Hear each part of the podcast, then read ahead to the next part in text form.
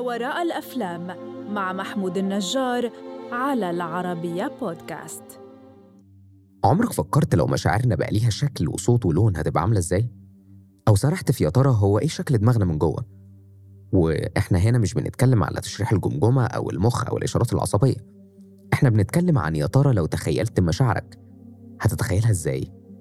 السؤال ده كان السؤال الافتتاحي لفيلمنا النهارده والسؤال الملهم ل Pete Docter مخرج ومؤلف الفيلم أنا محمود النجار والنهاردة هنتكلم عن فيلم Inside Out فيلم Inside Out هو فيلم كرتون من إنتاج ديزني واستوديوهات بيكسار وتقريبا هو أول فيلم يتخيل المشاعر ويعمل لها أشكال حقيقية في تاريخ ديزني رغم إنه ما كانش غريب أبدا على ديزني إنها تتخيل شكل وقصص الحاجات اللي ما بتتكلمش زي الألعاب مثلا في Toy Story أو حياة العربيات في Cars بس في فيلمنا النهاردة ديزني عملت أشكال وألوان لأفكارنا ومشاعرنا وادتهم لوحة تحكم صغيرة وعملت نظام يقول للناس يا ترى المشاعر دي جوه دماغنا عاملة إزاي؟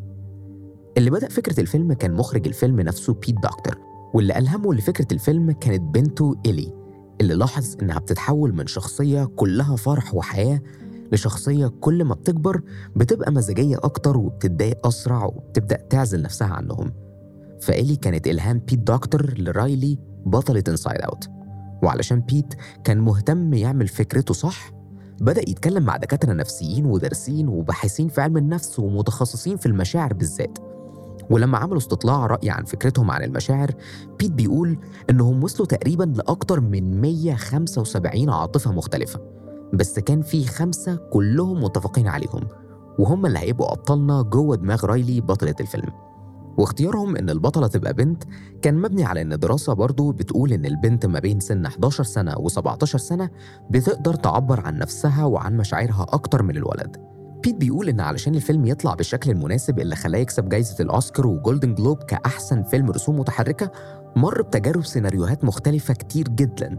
وأول سيناريو طلعوا بيه ما كانش مناسب أو مرضي أبدا في نظر بيت. ده غير إن فكرة إنهم يقدروا يكتبوا أو يتتبعوا المشاعر بسهولة جوه دماغ رايلي كانت حاجة صعبة جدا وقتها واللي ساعدهم في ده فكرة بيت بإن هو يقسم دماغ رايلي وشخصيتها بجزر صغيرة بتربطها أراضي ومشاعر ونظام كامل يحركهم بسهولة جوه دماغها. وفي مشكلة كمان قابلتهم إنهم إزاي ينقلوا ما بين العالم جوه دماغ رايلي والأحداث اللي بتحصل بره في حياتها. علشان كده طول الفيلم إحنا بنتفرج على شكل المشاعر في دماغ رايلي في شاشة بتورينا إيه اللي بيحصل بره في حياتها علشان ما ننفصلش عن حياتها. الفيلم بيبدأ بجوي أو الفرح. أول عاطفة بتتولد في الفيلم جوه دماغ رايلي بتتولد مع رايلي نفسها. ويمكن ده كان إسقاط من بيت على إن قد إيه بنته هي المصدر الحقيقي في حياته للبهجة والسعادة.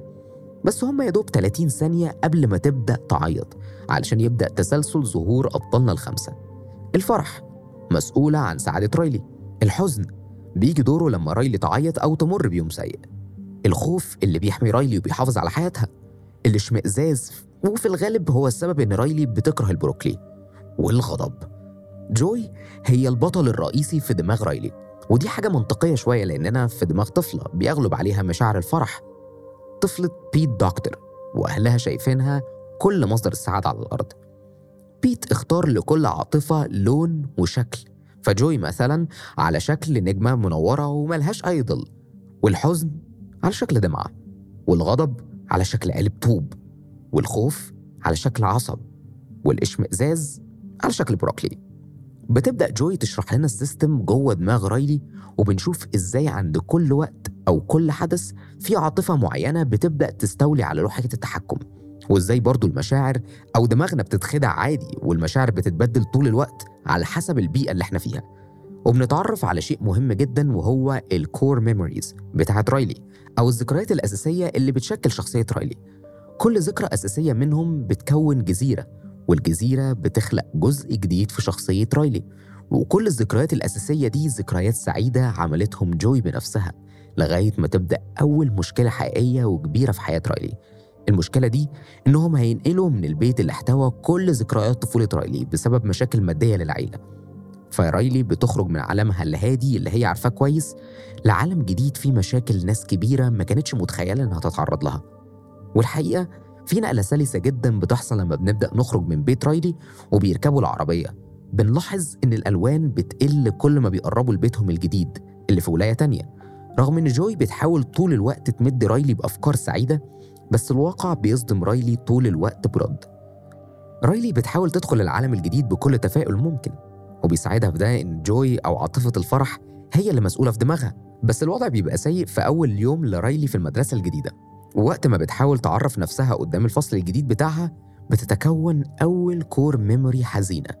في الوقت ده Sadness أو الحزن بتبقى الشخص المتحكم في مشاعر رايلي وده شيء طبيعي على شخص صحي في يوم لقى نفسه في حياة كاملة جديدة ما يعرفش عنها أي حاجة.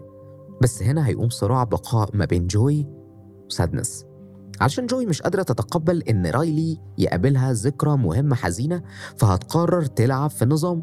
وتاخد الذكرى دي من مكانها وتحاول تتخلص منها. ولما سادنس هتمنعها هيوقعوا كل الذكريات المهمة بتاعت رايلي الذكريات اللي بتكون شخصية رايلي أصلا. وهيتسحبوا كلهم على المكان اللي جوي كانت بتحاول تخلص بيه من الذكرى الحزينة.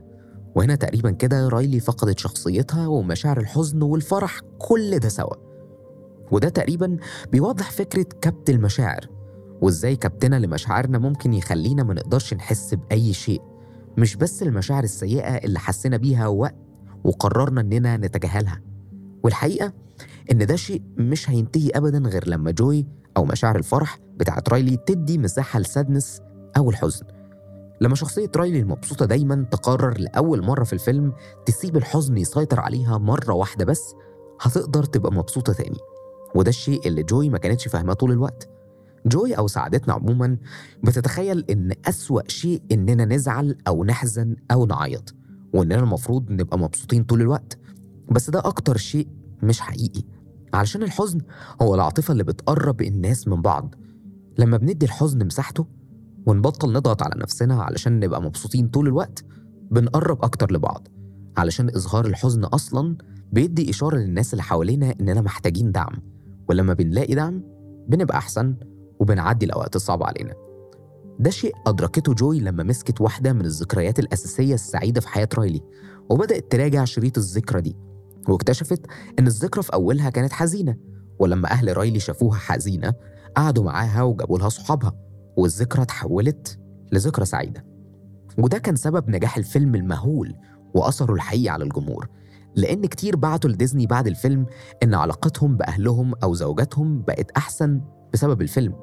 وده لأن أحيانا الناس بتبقى محتاجة حد يفكرها إن الحزن شيء صحي ومفيد وجزء كبير ومهم من علاقتنا مع الناس اللي حوالينا وإنه فعلا العاطفة اللي بتقرب الناس من بعض وإننا لو فضلنا نتجاهله أو ننكره مش هنبقى سعداء ولا أي حاجة. الفيلم فعلا حقق نجاح ضخم رغم إن لما بيت دكتور المخرج والمؤلف للفيلم اتسأل عن المشاعر اللي كانت مسيطرة عليه وقت عرض الفيلم قال إنه كان خايف. وعرض الفيلم الأول على مجموعة أطفال قبل عرضه في السينمات علشان كانوا خايفين إن هو يكون معقد على الأطفال. بس الحقيقة ردود الفعل كانت إيجابية جدا. وفي أول أسبوع عرض ليه حصد أكتر من 90 مليون دولار وده خلاه أول فيلم لديزني يكسر رقم زي ده في أول أسبوع عرض ليه. وفي المجمل حصد أكتر من 858 مليون دولار. ده غير جايزة أوسكار لأحسن فيلم رسوم متحركة وجايزة جولدن جلوب وترشح ل 118 جايزة فاز منهم ب 101 جايزة.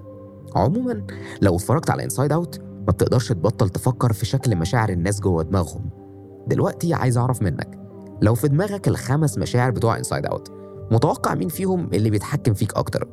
هستنى إجابتك واستناني الحلقة اللي جاية في حلقة جديدة من بودكاست ما وراء الأفلام علشان نحكي عن ما وراء فيلم جديد بمنظور مختلف. منظور ما وراء الأفلام.